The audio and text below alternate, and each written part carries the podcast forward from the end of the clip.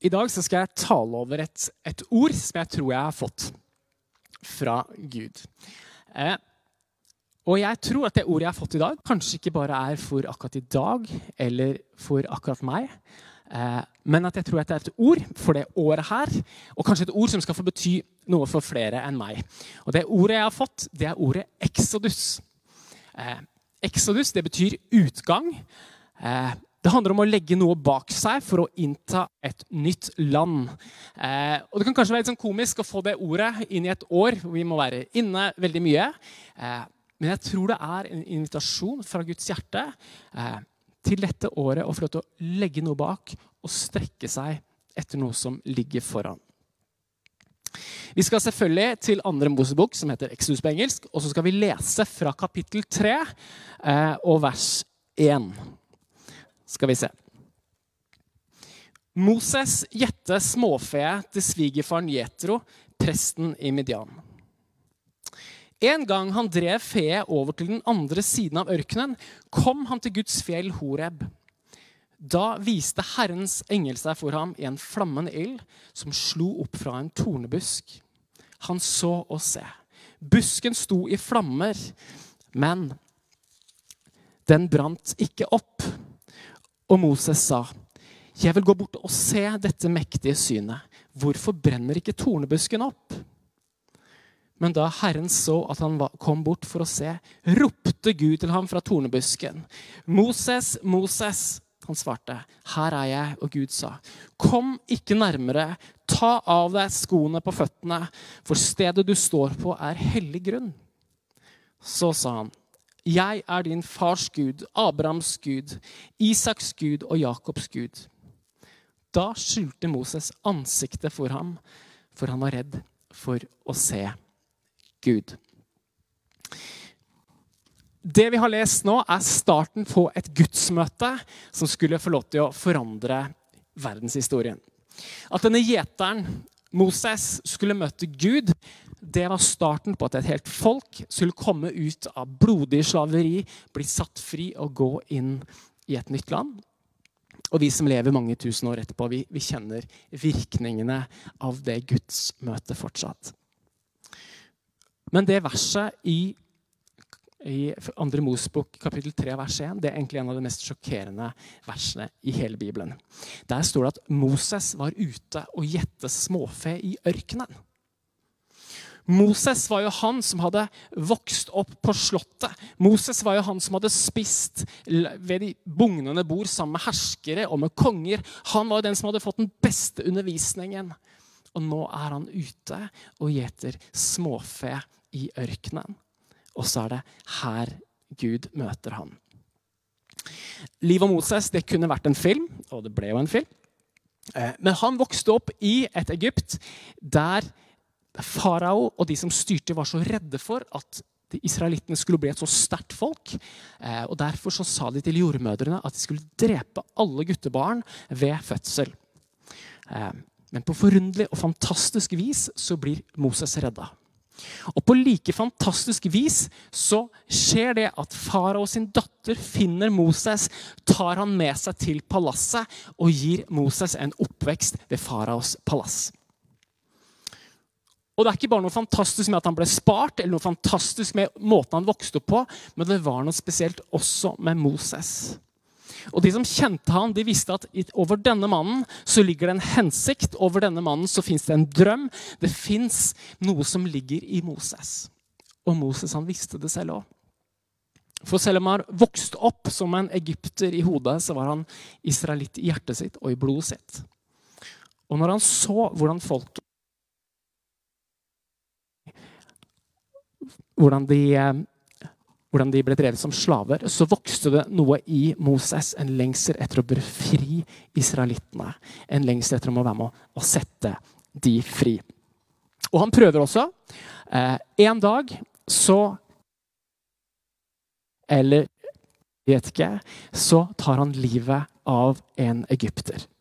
Kanskje gjør han det for å starte en revolusjon, kanskje gjør han det for å, for å bli kjent for israelittens menn med mye modighet og kraft. Men det som skjer, er at egypterne finner dette ut, eh, og han blir jaga på rømmen ut i ørkenen. Og så er det etter noen år i ørkenen at Gud kommer og møter ham. Vi vet ingenting om hva slags modus eh, Moses var i. Om han lengta etter Gud, lengta etter å leve i Guds drøm, eller om han levde i bitterhet, eh, om han fordømte seg selv eller bare prøvde å glemme fortida. Det vet vi ikke. Det vet at Midt i det her så møter Gud ham. Og israelittene sitt store exodus, deres fantastiske utgang av Egypt og inn i et nytt land, det starter med at Moses selv får et exodus i sitt liv. Fra et liv i ørkenen uten kanskje mål, uten, uh, uten, å kjenne på Guds nærvær, inn til et liv i Guds plan, Hvor til å følge Gud. Nå er det sånn at livet til eh, Moses er ganske annerledes enn det livet vi lever. At vi har mønster av det som skjedde med Moses, og ta lærdom av det i vårt liv. Det første vi ser i denne teksten og i denne historien, her, er at Gud søker Moses. Gud kommer og søker Moses sin oppmerksomhet. Det er ikke motsatt. Det er ikke Moses som søker Gud, men Gud kommer for å få Moses sin oppmerksomhet. Og vet du hva? Det her trenger vi å ta til oss. Vi tjener en Gud som søker oss, som søker mennesket. Det er en rabbiner som heter Abram Joshua Hatchell. Eh, som også var professor i religionsvitenskap og en av de ledende stemmene i faget.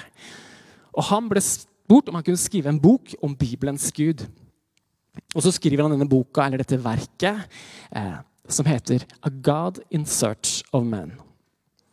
Og med det uttrykket en Gud som søker mennesket så er Bibelens Gud en helt annen Gud enn alle andre guder. Vi tjener en Gud som søker mennesket. Vi tjener en Gud som sendte Jesus Kristus til jorda før noen var interessert, før noen gjorde noe for det i det hele tatt. Og i Høysangen 4.9 Høysangen er en kjærlighetssang, eh, men som kristne til alle tider har lest som en kjærlighetssang mellom Jesus Kristus som brudgom og menigheten som brud. Og i kapittel 9 så står det, kapittel 4 vers 9 så står det Du har vunnet mitt hjerte. Du har vunnet mitt hjerte med ett blikk. Når vi som kirke og når vi som troende løfter blikket og fester blikket vårt på Jesus, så berører vi Jesus Kristus. Moses var opptatt med sine ting. Han måtte følge med på eh, fe, han lot seg stoppe, han lot seg forstyrre av Gud i sin hverdag. Og at Moses faktisk stoppa opp og ga Gud oppmerksomhet, det forandra hans liv og livet til så mange andre. Og det første jeg har lyst til å si til deg, at Hvis vi skal få oppleve at Gud leder oss inn i nytt land, hvis vi skal få til å bygge vennskap med Gud på et nytt nivå, så trenger vi å la Gud forstyrre oss i vår hverdag. Og vet du hva? Vi trenger ikke å se etter noe ekstraordinært. Vi trenger ikke å lete etter en brennende busk. Men Den hellige ånd er gitt oss. Og akkurat nå, i de rommene vi er samla i, så er Den hellige ånd til stede og søker vår blikkontakt. Det som skjer deretter, er at Moses begynner å bevege seg mot denne tornebusken. Men idet han begynner å bevege seg, så roper Gud ut til ham, vet du hva? Du må ta deg det du har på føttene. Det er akkurat som Gud sier at når du kommer mot meg, når du skal møte meg, så er det hellig grunn, og du må legge fra deg det du har. C.S. Lewis, en stor tenker og forfatter, han, han stiller i en av bøkene sine spørsmålet hva slags gud er det vi har med å gjøre som krever at vi skal tilbe ham? Hva slags gud er det som først skaper mennesket, for så å kreve at dette mennesket skal tilbe ham? Og så svarer C.S. Louis seg selv, og så sier han at vi tjener ikke en gud som krever tilbedelse, men vi krever en gud som søker fellesskap. Men den eneste måten et menneske av kjøtt og blod kan møte en mektig Gud, det er ved at mennesket ydmyker seg og tilber Gud. Og Det er det vi ser her. Moses han skjuler ansiktet, han legger fra seg det han har, og så trer han inn i Guds nærvær. Noen tolker det at Moses la fra seg sine sko og kom innenfor Gud på den måten her, som at Moses i det øyeblikket her blir kalt til å legge fra seg sin styrke, legge fra seg sin metode, sine tanker, for å fra dette øyeblikket av å følge Gud og følge Guds plan med livet sitt. Noen ser også evangeliet i den teksten. her. For Hvis du, hvis du leser litt i Det nye testamentet, så ser du at Moses det er ikke bare sånn at han er et symbol på loven, men han er ofte personifisert loven. Så I Nytestamentet kan du lese liksom av og til at det står Moses, og av og til loven. Og så betyr det det samme. Og noen mener at i den teksten til Moses at det du har prøvd å befri israelittene, det klarte du ikke på din måte. Men når du følger min måte, så vil du få lov til å bli fri selv. Sette mennesket fri, og det kommer til å skje med kraft. Og jeg tror det også er et budskap til oss i dag. At hvis vi skal gå inn i det Gud har for oss, skal la ham få lov til å lede oss inn i vårt eksodus, så trenger vi å legge fra oss den loven, den strengheten, skulle, måtte, burde, som vi bærer på innsida. Vet du hva? Tvillingen til å leve et passionate kristent liv, det er strenghet. Og jeg tror Gud inviterer oss til å legge fra oss den strengheten og leve evangeliet. Det er kanskje et sånn dumt spørsmål, men hva er egentlig evangeliet? Er det Er evangeliet den boka her? Ja. Alt i denne boka her har forbindelser til evangeliet, men det er ikke evangeliet er evangeliet at vi er kalt til bønn og til misjon og til et hellig liv. Det er frukter av evangeliet, men det er ikke evangeliet. Å leve rettferdig, gjestfritt, spre godhet. Det er med å åpne vei for evangeliet, men det er ikke evangeliet. Av og til så forkynner vi evangeliet så uklart at det mister noen av kraften sin. For evangeliet er et helt spesifikt budskap som må tales ut med ord for å skape tro. Så hva er evangeliet? Ordet evangelium har den samme rota som uttrykket eller ordet nyhetsrapport. Så i form så er evangeliet en nyhetsrapport. Og I gamle dager, før det fantes eh, iPhones og, og massemedia, som f.eks. i Romerike, eh, så spredte de nyheter ved at en sendemann til hest, reiste fra by til by, samla mennesker, og så ropte han ut en nyhetsrapport om det som hadde skjedd. Kongen er død, eller disse har gått til angrep, eller lignende. Så evangeliet er en nyhetsrapport som ropes ut til oss av noe som har skjedd. Evangeliet er at det har foregått en redningsaksjon som har redda oss mennesker. Det har foregått en redningsaksjon hvor vi har blitt redda fra Guds vrede. Eller som det står i 1. Tessalonikerbrev 1.10.: Vi er redda fra den kommende tids vrede. Jesus Kristus, Guds sønn, kom til jorda og tok vår straff på seg. Den straffen som vi har samla opp gjennom synd vi har gjort, ulydighet vi har levd i, feighet, at vi ikke har levd for Jesus All denne straffen som vi har samla opp, tok Jesus Kristus på seg. Vi er redda. Og den eneste måten, eller det eneste som skal til for at denne redningsaksjonen skal gjelde oss, er at vi tror på at redningsaksjonen har skjedd. Det her er dårskap for den vise, men dette er evangeliet. Evangeliet er egentlig ikke en prosess.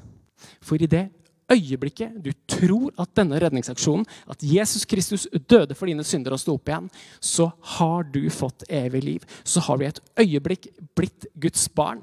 Så har du i et øyeblikk gått fra mørke til lys. Og i Kristus så finnes det ingen fordømmelse. Det er evangeliet. Uten at du forbereder deg eller forbedrer deg en millimeter så er du redda og rettferdiggjort for Jesus Kristus. Jeg har lyst til å lese et sitat av en eh, kanskje ikke veldig fintfølende eh, forkynner som levde på slutten av 1800-tallet, Andrew Lloyd Jones. Han møtte en gang en mann som sa at han ikke følte seg god nok til å kalle seg en kristen enda. Og det her var måten Andrew Lloyd Jones møtte ham på. Han skriver Da skjønte jeg at, dette, at denne mannen var full av djevelens løgn og i opprør mot den kristne tro. For han er fortsatt opptatt av seg selv, at han selv skal bli god nok. Men han vil aldri bli god nok. Ingen har noen gang blitt god nok. Evangeliet er at Jesus Kristus er god nok. Jeg tror at Gud var redd for at Moses skulle komme og gå. Jeg tror Gud visste at hvis vi skal leve i pakt, hvis vi skal kunne samarbeide tett, så trenger Moses å legge fra seg det i livet sitt som gjør at han vil prøve å prestere, som gjør at han vil prøve å ta seg sammen når han er sammen med meg. På samme måte så vet Gud at hvis vi kommer innenfor ham i et skulle, måtte, burde, at vi vil vise oss fram, så er det ingen av oss som orker å leve det livet her i lengden. Og Kanskje er det flere enn meg som har hatt sånne sterke opplevelser med Gud. Og så blir det til en opplevelse. Så blir Det liksom, Det kristne livet kan se liksom bipolart ut. Det er store svingninger. Vi kommer innenfor Gud, og så mister vi det litt, og så kommer vi innenfor Gud. Jeg tror Gud dette året kaller oss til å ta nye skritt med ham. Legge bak oss ting som har fanga oss, ting som har satt oss fast. Men hvis vi skal gjøre det, så må vi legge fra oss loven, må vi legge fra oss vår egen fordømmelse og si ja til evangeliet, hvor vi ikke har løfta en finger for å kunne være et Guds barn. Det tredje som skjer i denne teksten, og egentlig det jeg kjenner litt sånn trøkk på inn for i dag, eh, det er at etter at Moses har fanget, eller Gud har fanget Moses sin opp, opp, eh, oppmerksomhet eh, etter at Moses har lagt ned sitt eget for å leve etter Guds metode, så kommer Gud, og så bekrefter han Moses sitt kall. Vi leste ikke hele teksten, men det som skjer i det gudsmøtet her, er at Gud kommer og sier til Moses at det kallet du hadde som ung, det kallet du bar i oppveksten din, det var ikke feil. Det var ikke usant. Det var bare noe med timingen som ikke var rett. Og Kanskje er det noe av det Gud ønsker å si til oss denne dagen og dette året. At vet du hva? Noen av de drømmene du bærer på, noe av det kallet du trodde du hadde, noen av de tankene du gikk med, og som du trodde skulle bli noe av At Gud ønsker å komme og bekrefte det. Jeg har snakka med så mange mennesker som kjenner på nesten skam for de tankene de tenkte på som unge. For de tenkte så store tanker om seg selv eller hva de skulle være med på. Og så har de prøvd å glemme, så man prøvd å bare leve livet videre uten å tenke på det som Gud har sagt eller Gud har lagt ned i dem. Men jeg tror at tiden er inne for at Gud selv vil komme og bekrefte at du har ikke tenkt for stort om deg selv. Du har ikke tatt feil. Men kanskje har det vært noe med timingen som ikke har vært rett. Moses trodde at han hadde missa det, eller vi vil iallfall anta det. Men han var i trening. Var det én ting israelittene ville trenge når de skulle ut av Egypt gjennom ørkenen, så var det en mann som kjente til hvordan man skulle leve i ørkenen.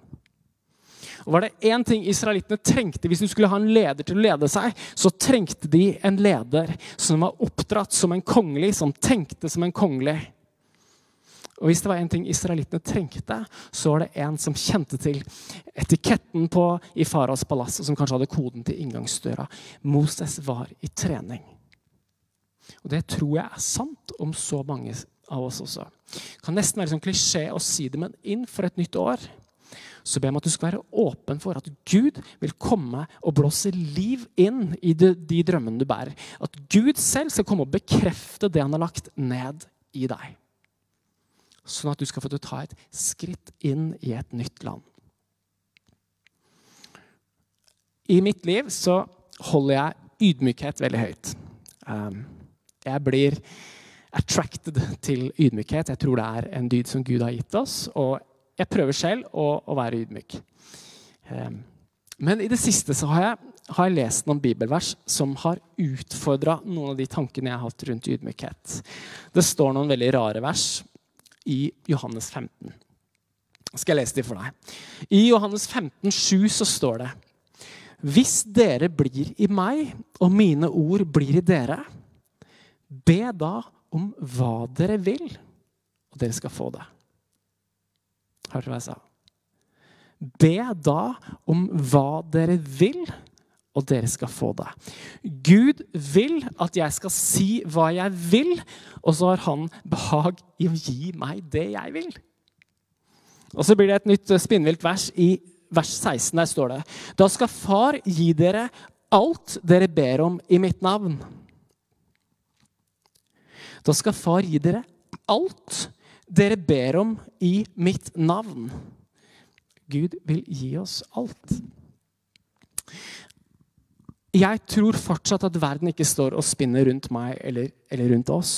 Men jeg tror at Gud inviterer oss inn i et samarbeid der hva vi ønsker, hva vi vil, hva vi vil gå for, hva vi vil se i byen vår, hva vi vil se i vår familie At Gud bryr seg om det, og at han vil gi oss det. Vi har akkurat snakka om at frelsen, det å bli et Guds barn, det skjer ved tro uten at vi løfter en finger. Men det å komme inn i Guds hensikt med sitt liv, det kan kreve at vi river til oss Guds rike, som det står. Det handler om at du tror på de løftene som står i Bibelen, og tar de til deg. Og akkurat nå så har jeg lyst til at vi bare tar dette i tro og takker Gud for det som han har gjort, og det som han vil gjøre. Fordi han har lyst til å gi oss alt det vi ber om.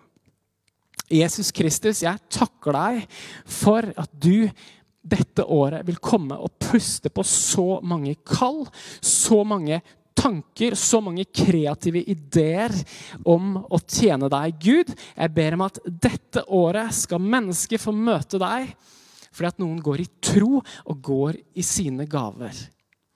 Jesus, takk at vi kan forvente at du midt iblant oss reiser opp stemmer, reiser opp gaver og tjenester, Herre. Og jeg ber for hver enkelt som har lagt drømmer bort, som kanskje har skamma seg over det, som har vært såra av det. Jeg ber himmelske Far om at du skal få til å reise dette opp i det året som kommer. Jeg ber om det i Jesu navn. Hvis vi vil la Gud lede oss inn i noe nytt, så la Gud få lov til å stjele oppmerksomheten din. Tør å ta skrittet fra lov og nesten tvangstanker til evangeliet. Og våg også å tro at Gud vil komme og puste på og bekrefte og lede deg inn i det kallet som han har gitt deg.